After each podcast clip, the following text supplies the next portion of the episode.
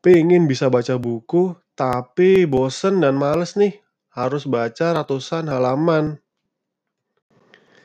Lebih asik nonton YouTube, scroll-scroll sosmed, nggak kerasa udah habisin waktu berjam-jam nggak sih? Nih, tonton ngeteh. Cuman 10 menit, kamu udah baca satu buku setiap harinya.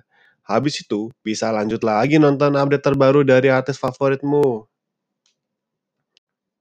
Ngeteh, cara baru kamu untuk semakin pintar dengan santai. Subscribe Ngeteh.